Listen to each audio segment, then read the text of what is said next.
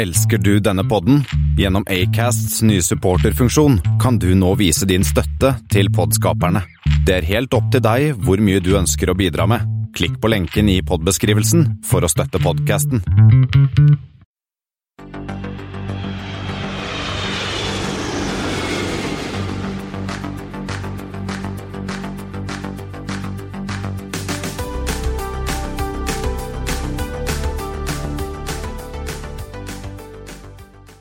Hei og velkommen til Flypoddens flight 67. Vi nærmer oss sommeren med stormskritt, selv om det ser ikke sånn ut ute akkurat nå, Espen.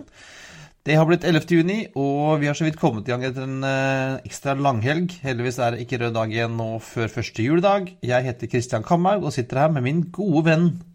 Espen S.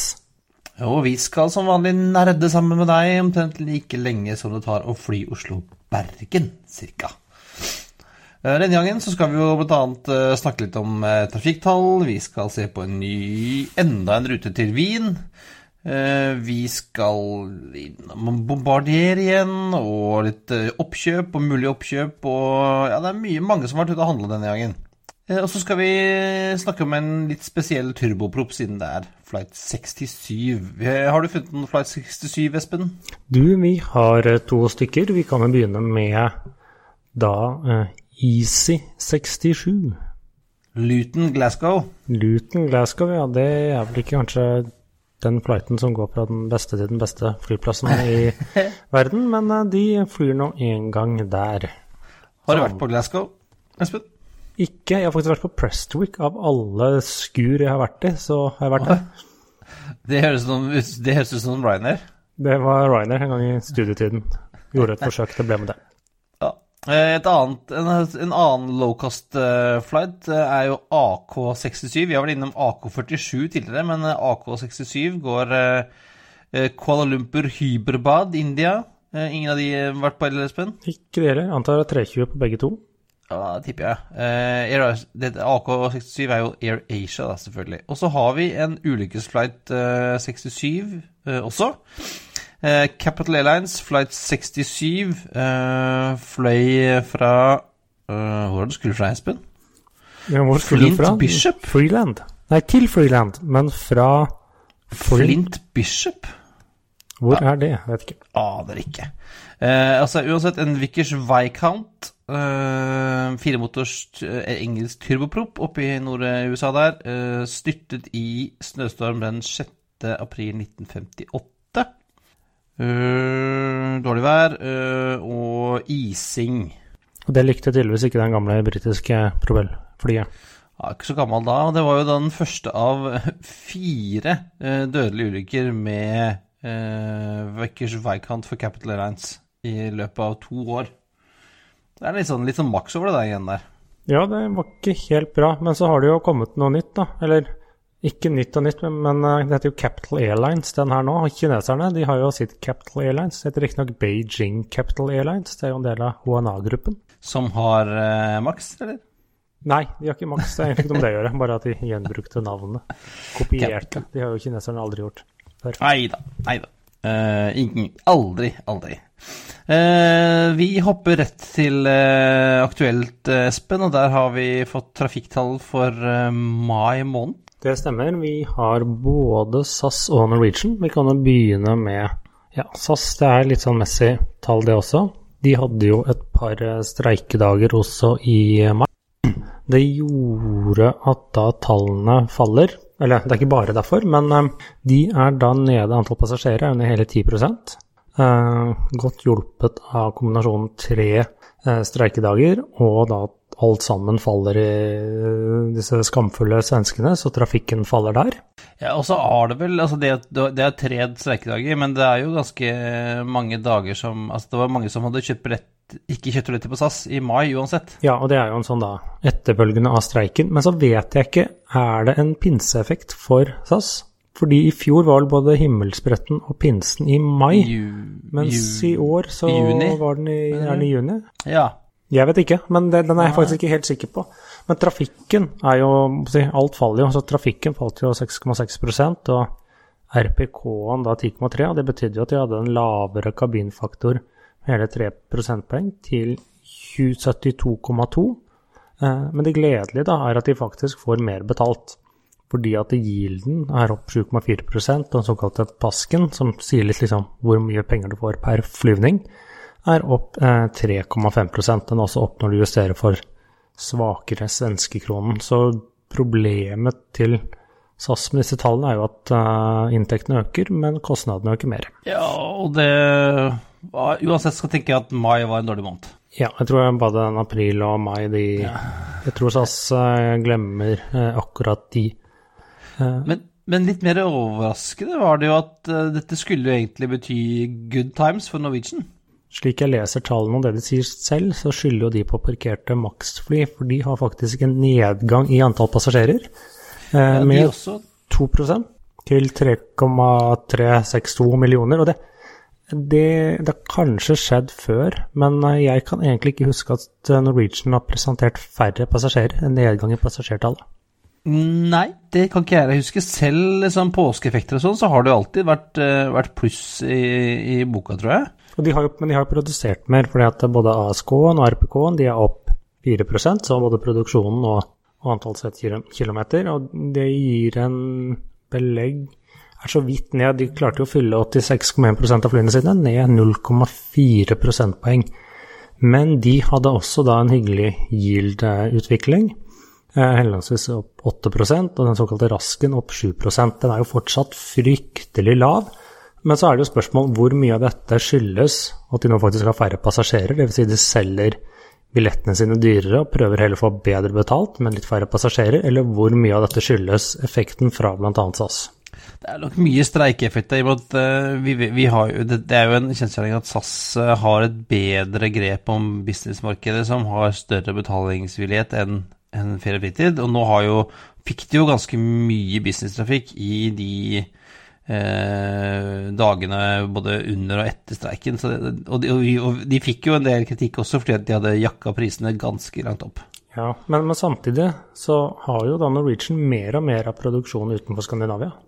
Så Ja, så den burde kanskje ikke ha så stor effekt, men eh, nei, det er litt overraskende at det gikk ned, altså. Eh, på tross av maksen. De sier jo nå at altså, det har ikke hatt så stor effekt uh, likevel, sa de tidligere. Trafikken går jo unna med, med innleie og litt sånn, men uh, altså, er, det, er det flyskammen som rammer uh, Norwegian i Sverige? Vi har ikke sett noe fordeling på markedene her. Nei, Norwegian gjør jo ikke det, men nå kom faktisk Arlanda med trafikktall i dag. Jeg har egentlig ikke fått studert dem veldig nøye. Ja, men, de var, men, de var, ned? Ja, jeg tror den svenske trafikken var ned var det 6,5% eller 6,6% og det er tyder på, spesielt innenriks, innenriks stupte, og selv om SAS er jo desidert størst der, så tyder det jo på at det er egentlig ingen som har grunn til å være veldig fornøyd med trafikken i Sverige, unntatt uh, enkelte litt uh, militante ja, miljøvernere. Her kan hende at SJ og MTR og de gutta her er fornøyd med, med tingenes tilstand, da. Men ellers så gleder jeg meg litt til juni er ferdig, så kan vi endelig få liksom en måned da som er normal. Som ikke er ikke streik, ikke påskeeffekter, ikke noe sånt tull og tøys. Ingen røde dager, Nei, ingenting. så vi kan se liksom hva er utviklingen i trafikken. Ja. ja nei, det der uh, Surrete, altså. Tre måneder i år har det liksom blitt surrete. Men noen som vi snakket om forrige uke, som gjør det veldig bra, Espen, er jo våre polsk-ungarske venner. Ja, de er vel polsk-ungarske med stor amerikansk eierandel.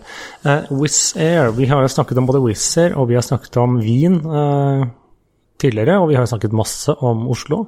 Men nå åpner da de sin femte rute til OSL. Eh, med da fire ukentlige flighter til Wien. Det er det samme som Norwegian har, i hvert fall om vinteren, så vidt jeg kan se.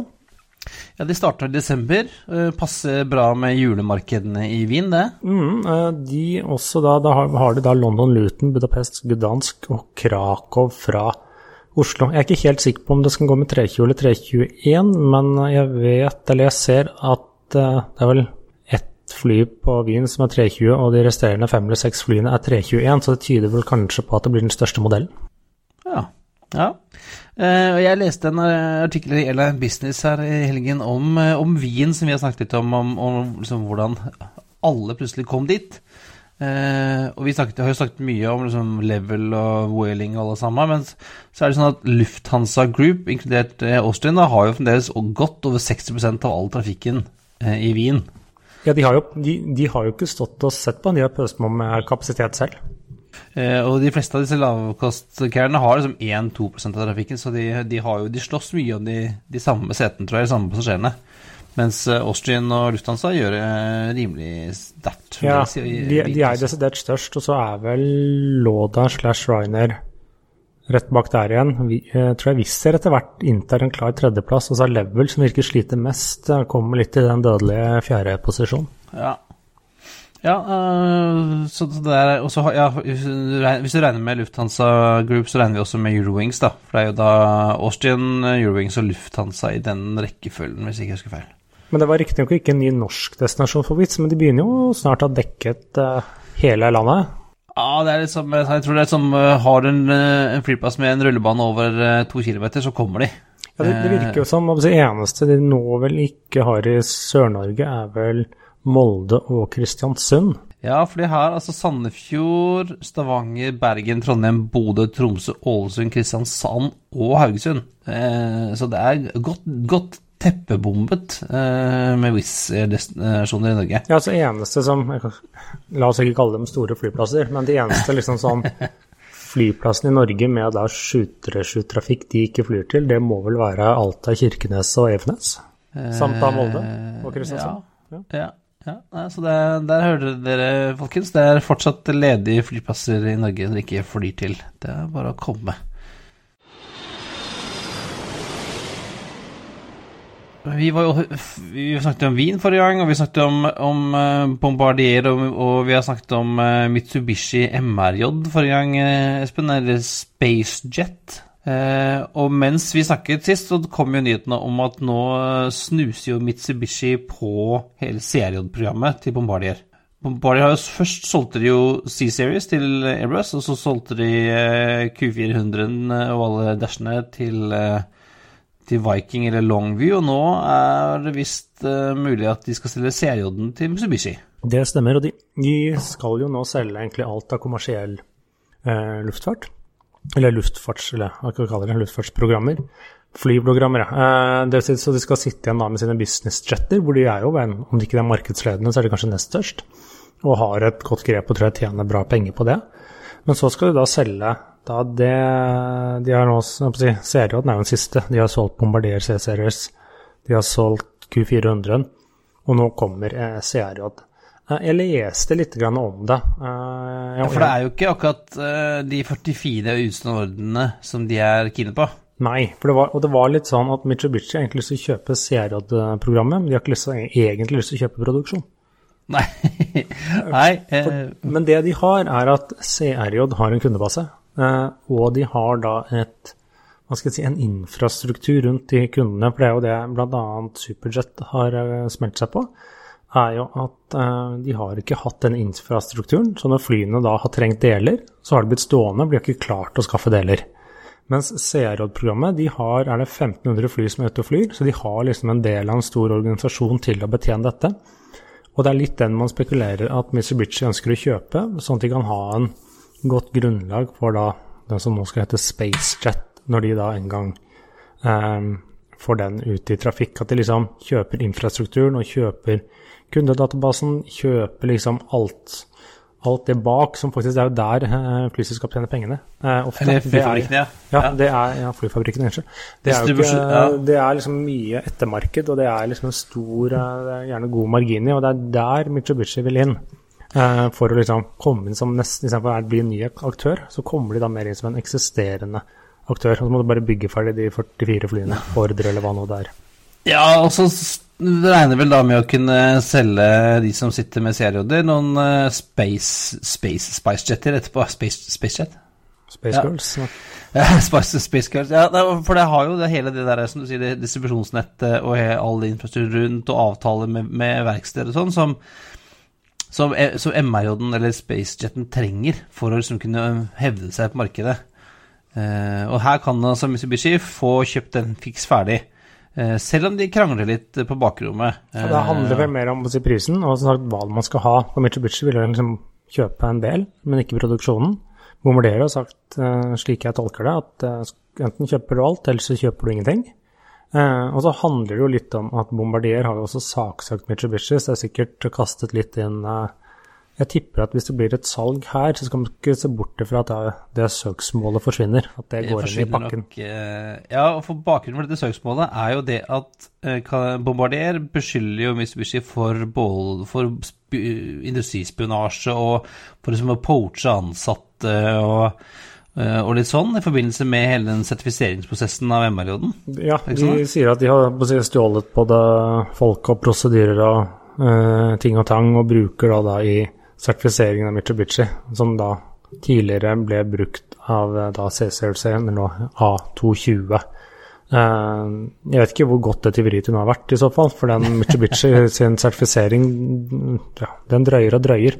Men uh, man får se kan jo sånn Vi har jo, eller jeg, da, har, har på en måte vært litt skeptiske til denne MR-J-en, for den var liksom litt seint på, og så lagde de et fly som var for tungt og for stort for amerikanske markedet, og så har liksom ikke helt fått det til, da, men kanskje, kanskje, dette er det de trenger for å få hele den der infrastrukturen rundt, altså. Kanskje det skal til for å få den til å fly, pun intended.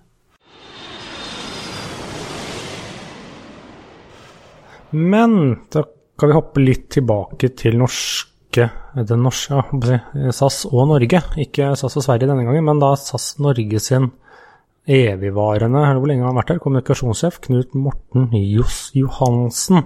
Han skal slutte som pressetalsmann der, og bli ny sjef for myndighetskontakt. Og du, CK, du har jo jobbet med han, så har du lært deg noen triks? Ja, jeg pleier å si at Johs lærte meg sånn det beste trikset i boka når det gjelder eh, journalistkontakt. da. Eh, og det er å alltid ta telefonen. Alltid svare telefonen, alltid prate med journalistene. Uh, uansett om det er uh, dritt, det som skjer, eller om det er positivt. Og, og gi, gi, dem litt sånn, litt sånn inside-tips, og alltid liksom Har han gitt Husker jeg han ga et tips til VG en uke, så ga han tips i Aftenposten neste uke. Liksom for alltid å sånn spille på lag med journalistene. Jeg tror det er, det er smart. Det har jeg prøvd å, prøvd å bruke i mitt arbeid også. Så nå tar han over eh, myndighetskontaktene, eh, og nå skal han henge rundt på Stortinget og jobbe med lobbyvirksomhet. Han blir sjefslobbyisten, tenker jeg. Tror de. Hvor er det du spiser best lunsjer, da? Som lobbyist eller som pressetalsmann?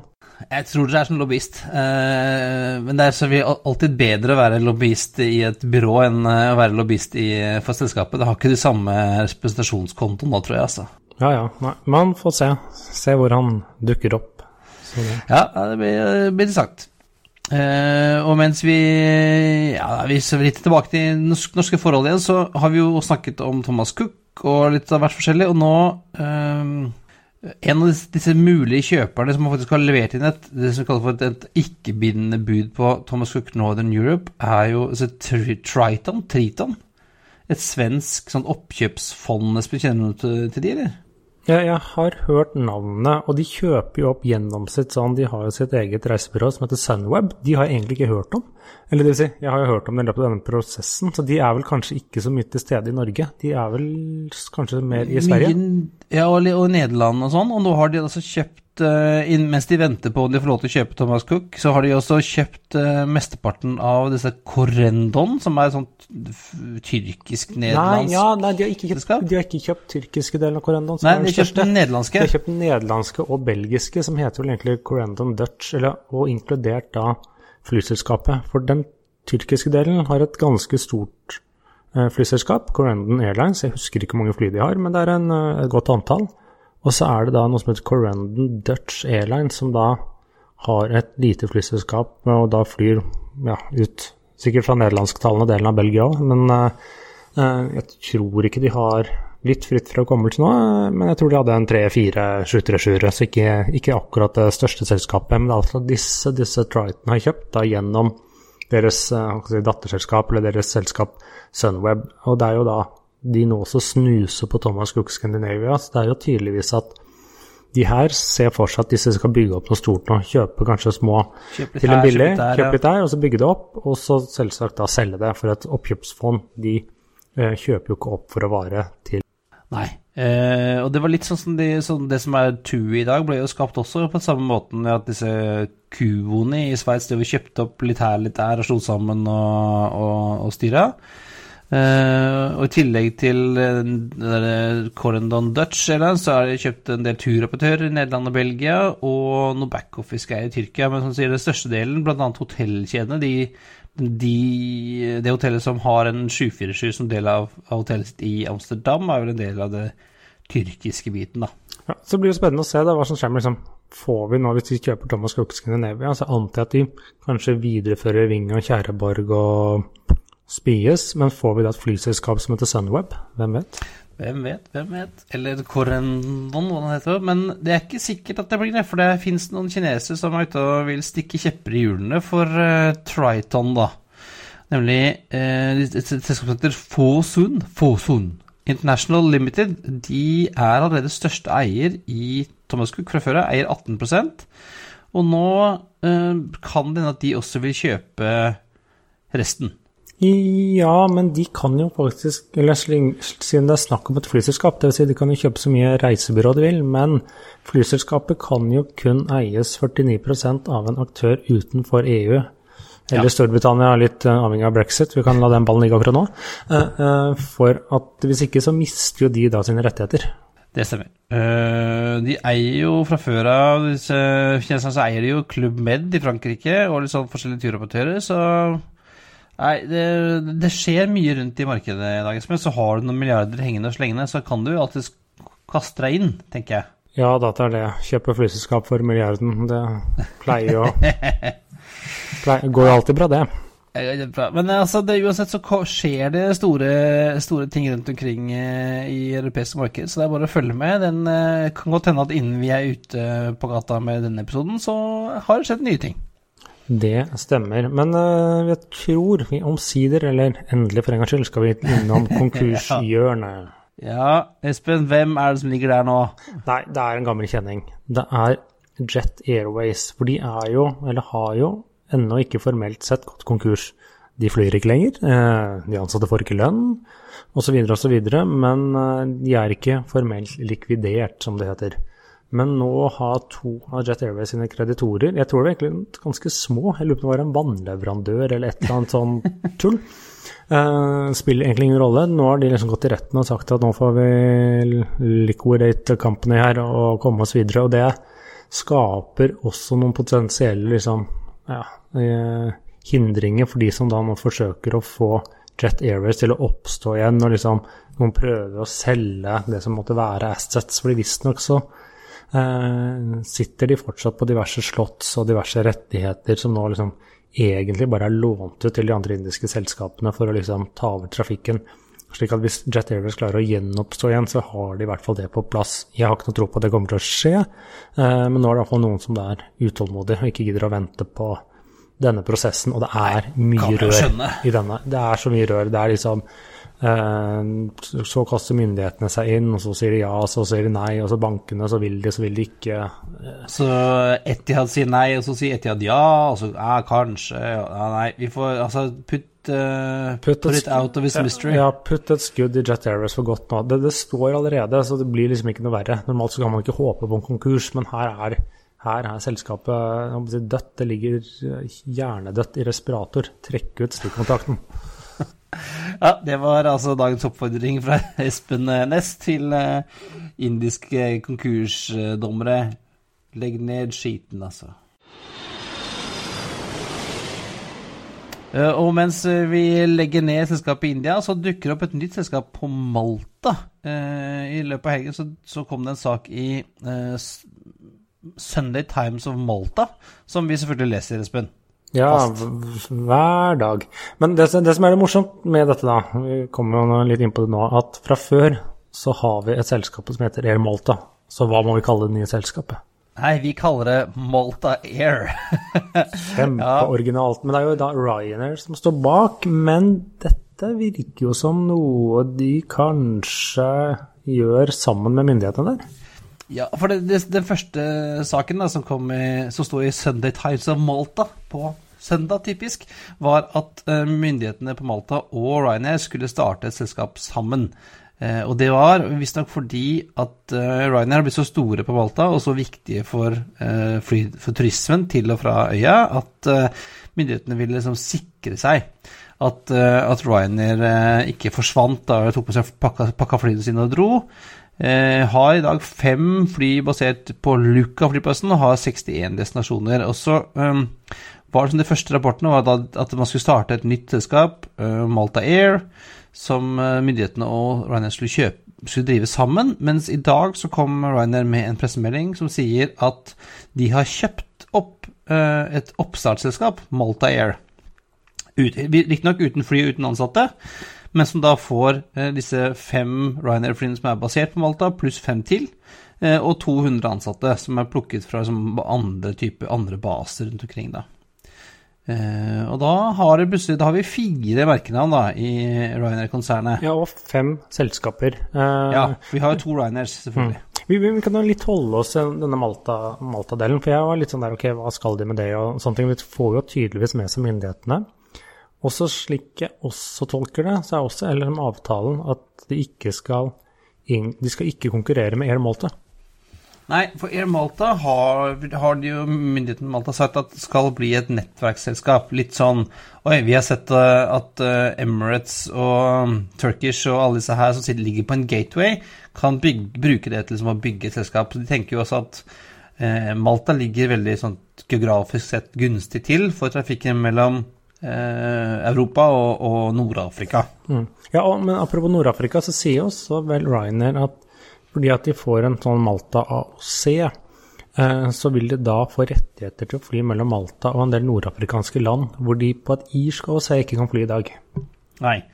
Uh, men det skal visst være Det jeg leser, er at Malta Air, altså ikke Air Malta, men Malta Air, skal drive turisttrafikk point to point, mens Air Malta skal kunne drive connection-trafikk. Mm. Og de har, eh, jeg, er litt usikker på om det var offisielt eller ikke, men jeg har da sett et fly presentert eh, med fargene. Det er liksom en oh, 737. Eh, ja, vi legger ut bilde av det, hvor det står Det er litt en sånn rød, litt skrånende buk. Både under flyet og på motorene. Og så står det Malta Air, store billboard titles på siden. Og så den hvite halen har et rødt malteserkors. I motsetning til Air Malta, som vil ha et hvitt malteserkors, tror jeg. Mm. Men vi, vi, legger ut da bildet av Malta Air, så lytterne våre kan se på den. Men jeg tror vi skal, jeg har litt lyst til å holde meg litt på Ryanair, fordi ja. at hva er det egentlig Ryanair gjør nå? Eller hva, hva er de på vei til? At vi tenker jo, Man kan si mye om Ryanair, noen liker dem, noen liker dem ikke. Eh, men de har hatt et veldig enkelt konsept. Det har vært Ryanair. Og de har hatt ett AOC, og de har hatt et konsept, og flyene har sett klin like ut. Eh, like ute og helt like stygge og jævlig inne. Men det har liksom vært, det har vært veldig greit. Har vært, eh, de har kjørt ned kostnader, men nå etter hvert nå har de fått seg fem AOC-er. Fire merkevarer. Jeg skjønner at de gjør dette for å gripe en mulighet, men mister de seg selv nå på veien? Blir det et liksom komplisert konglomerat hvor eh, den ene hånden nødvendigvis ikke vet den, hva den andre gjør? og holdes tunga i rett munn? Altså, det, er Jeg, jeg, syns det er litt spennende, i og med at som du sier, at Ryanair eh, er jo, var jo et ett selskap, alt var et likt, og du kunne elske eller hate Ryanair. Og de har jo liksom gjort sitt for at folk skal hate dem også en god stund, så det kan hende at eh, dette er en del av den strategien til Michael Rary å bli litt mer snille og hyggelige. Eh, og sånn at at en person som kanskje aldri vil tenke seg å fly med Ryanair, kan godt tenke seg å fly med Malta Air eller Lauda. Ja, for den, den var kanskje litt sånn fordi at i disse regnværstider så så jeg min eh, Jeg var hos mine eh, svigerforeldre i helgen. Og når de der skurene kom, så gikk svigerfar og begynte å se på noen turer til uh, sørover. Og gikk inn på sånne type, jeg vet ikke om det var restplass eller om det var disse Solfaktor eller hva det er. liksom Fant en tur, bl.a. til Malta. Og så var liksom, gikk han helt videre, og så var det liksom Ja, det var med Ryanair. Mm, nei, da finner vi noe annet. Ja, men uh, buss, de kan vi fly med. Ja, men nå vil jo da Malta, Malta Air vil jo da fly til uh, Sandefjord, for de flyr vel litt én eller ja. to ganger i uken mellom Malta og Torp. Det stemmer, det. Så kanskje spotterne på Torp uh, får et nytt selskap, litt sånn by accident? ja, altså, men uh, McLeary Leary har jo sagt at uh, Ryanair skal bli et uh, et konsern. Uh, litt etter eh, IAG-tanke, liksom. Så ja, det kan være litt gøy å se på. Eh, McLeary har- jo sagt at han skal bli i fire-fem år til, så han er jo ikke ferdig med jobben. Så kanskje det er dette Kanskje det er det, det, det, det norske datterselskapet som skal fly på norsk innenriks, Espen? Ja, vi får se, vi får se. Men Ja. Og så er det jo et si, Han benekter jo det hver gang og sier det er uaktuelt, men uh, det mangler jo en longhall Ryanair Long. Ja, eh, det, og det kanskje Det skal nok uh, sikkert skje utenfor uh, Ryanair proper, da, skal jeg tro. Ja, så det blir kanskje et nytt uh, merkenavn, jeg vet ikke. Kanskje han kjøper langdistanseflåten og hele pakka til Norwegian, hvis ikke de klarer å snu skuta. Ja, ja. Nei, altså Den som har lever, får se, Espen. Det var det egentlig ukens uh, nyheter, var vel? Og da skal vi bare kjapt innom det som er ja, sånn halvveis kalt ukens tema. Uh, har du hørt om Bachelor BT67, Espen? Jeg tror jeg så vidt har hørt det, men uh, liksom Jeg er litt klar over Ja, det er noen som har gjort noe med DC3-er, uh, men hvorfor kaller man det Basler? Kan man ikke bare kalle det DC3 Neo? Det er det det er, er det ikke det? Ja, det, det var det det skulle vært, vet du. Men altså, Basler er et amerikansk selskap, holder til på Oshkosh uh, i Wisconsin. Som ikke er i de- Russland. Hæ? Det høres russisk ut, men det er Ja, i USA. Oshkosh. Det er i USA, i Wisconsin, faktisk. Men det er kanskje sikkert laget av noen eh, russiske eh, innvandrere, da. Og siden januar 1990 så har de tatt gamle DC3-er og C47-er, og så har de kutta Eller laget den litt lenger, eh, forsterket vingene, og så har de klint på to turbopropper istedenfor de gamle Wright-motorene. Eh, Og det gjør jo at du kan fly kjappere og lengre og raskere og med mer, med mer last. Men er, det virkelig som business? Hvor, hvor mye liv er det egentlig i de flyene, eller hva koster dette? Hadde det vært bedre å kjøpt noe sånn halv, halvgammelt eh, og flydd med, istedenfor noe helgammelt? Ja, det kan godt hende. De har jo altså bygd eh, 66 stykker, og de koster en sånn hva er det, 6-7 millioner dollar å, å kjøpe. Og er klart at Airframen koster jo ikke noe, den får du kasta etter deg et eller annet sted. Eh, men det er jo litt jobb. De skal jo som eh, ta fra hverandre hele greia og sette på disse turboprop-motorene som er de samme som eh, står i en sånn Pilatus PC12 og en Shorts 360 og litt sånn. Og da får du for, for, for selskaper som Eller det er veldig mye sånn forsvar og sånne noen Arctic Explorers litt sånn, sånn forskjellig, som bruker eh, gode gamle DC3-er. Hva med litt søramerikanske drug kings? Eh, nei, de har ikke For de gidder ikke å bruke penger på å oppgradere flyene sine. De flyr jo til de går i bakken, ikke sant. Eh, jeg, tror det, jeg tror det er faktisk en av de gamle SAS sine gamle DC3-ere som endte opp i South African Air Force, eh, ble eh, konvertert til en sånn BT67, faktisk. Det er ikke helt umulig at den maskinen har en noe bråket historie. Det, jeg tror alle disse 66 har en broket historie, faktisk. Men, men du som er Du er jo litt mer nostalgiker av oss. Ikke bare fordi du er født i et annet tiår, men uh, hvordan, hvordan er det da, liksom, når da Du tenker jo på en DC3 eller såkalt stjernemotor som høres ut som en gammel, klassisk motor, og så plutselig kommer det en eller annen med turbopropp? Nei, vet du hva? Jeg, jeg må innrømme at i starten var jeg skeptisk. Nå syns jeg de ser ganske tøffe ut, jeg, faktisk. De får, har en sånn femblads uh, propell uh, stående på den, uh, denne her Pratt Whitney PT6A uh. Det ser ganske tøffe ut. All, alt som, eh, som lar en DC3 få leve enda lenger, syns jeg er bra. Så tommel opp for Bastler eh, BT67. En ordentlig beta. Ellers så er Hvis vi er inne på DC3, nå er vi kanskje ferdig med Bastleren, men det er jo litt eh, spennende hva som skjer med den norske DC3 nå, for den står jo nå fast i England. Etter de har vært på flyoppvisning der, de skulle være med noe med D-dagen. Og så tror jeg de, slik jeg forsto det, klarte å enten ødelegge en motor eller et eller annet det var. Og nå er det litt sånn, hva skjer med den nå? Ja, jeg så at den hadde, var vel inn på Duxford og ble visstnok tatt godt vare på innen hangar, men det er jo et problem med disse gamle DC3-ene at de, de lager jo ikke sånne motorrenn. Det er ikke bare å kjøpe dra liksom, på, til Pratt Whitney og kjøpe en ny. Nei, du må liksom ha både, må si, Noen må lage omtrent en del som ikke fins lenger, er det vel litt sånn? Eller finne noe brukt. Og det kan jo ikke være forbrukt heller. Nei, altså, vi, vi får håpe at, eh, at den kommer hjem igjen. Eh, Jeg hadde jo en, som en liten tenkte jeg skulle ta en tur med den i, i år igjen. Det er jo lenge siden jeg var med den sist.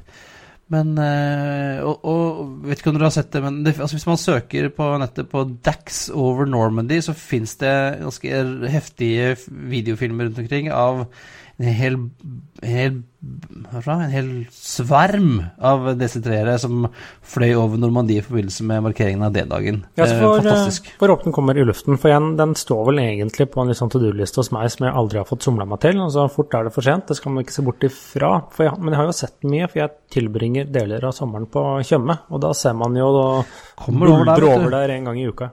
Ja, jeg, når jeg fløy med den i 2012, så fløy jeg vel over Tjøme, tror jeg. Ja, det er en eller annen sånn, jeg tror, tror de har en fast uh, rundtur, for jeg syns jeg ser den akkurat på samme sted de gangene jeg ser den. Kommer også ofte over hytta hos oss nede, litt lenger ned på Sørlandet når den har vært på tur. Eh, og da glir vi nesten over i ukens anbefaling. Ja, hva er det, Christian? Eh, jeg, det er mulig vi har anbefalt dette før, men altså nest nå på lørdag også, nei, nå på søndag så er det jo Kjeller flydag. Det stemmer, ja. Og dit skal i hvert fall jeg. Skal du, Espen? Du, jeg eh, håper, men eh, det er noen puslespillbiter som må legges med familie, små barn. Eh, vi har et par hjemlige prioriteringer, eller som jeg har blitt satt til å prioritere, så vi får se hva vi får til. Ja, jeg har også en sånn eh, sak ute på dagen her, så jeg skal reise opp tidlig for å få med meg sånn starten. Og da håper jeg å få fløyet med Norseman, i hvert fall. Nei, men vi får se, og vi i hvert fall anbefale våre lyttere å ta en tur. Det gjør vi. Og apropos tur, så skal vi på en annen tur øh, på fredag, Espen. Yes, som varslet mange ganger, så drar da Flypodden med et par eh, gjester. Hangarounds. Hangarounds, ja. eh, på tur med da Lipen til Leap og Sierras Sab 340 til eh, Stockholm. Sånn at eh, neste sending så vil vi i hvert fall ha noen eh, klipp eh, derfra. Vi tar med oss en mikrofon og prater litt eh, underveis. Ja, det blir, det blir gøy. Vi gleder oss stort. Det blir altså Sam 340 bort, og så blir det Dreamland hjem. Det blir det. Prøver yt ytterpunktene. Ja, øh, helt fritt for flyskam. Helt fritt. Vi flyr for å fly. Ja. Men det var alt for denne gang. Det er på tide å feste sikkerhetsbeltene, rett opp setet og sikre frisikt ut av vinduet ettersom Flight 67 går inn for landing. Som vanlig finner du linker til det vi har snakket om i dag på flypodden.no. Du finner oss også på Facebook, Twitter at flypodden og Instagram at flypodden. Har du et spørsmål, vil du, vil du invitere oss på flytur eller sponse oss, er det bare å sende oss en mail til på hallo at flypodden.no. Ha det bra. Ha det bra. We thank you for flying with us today. We truly appreciate your business and look forward to serving you on a future flight.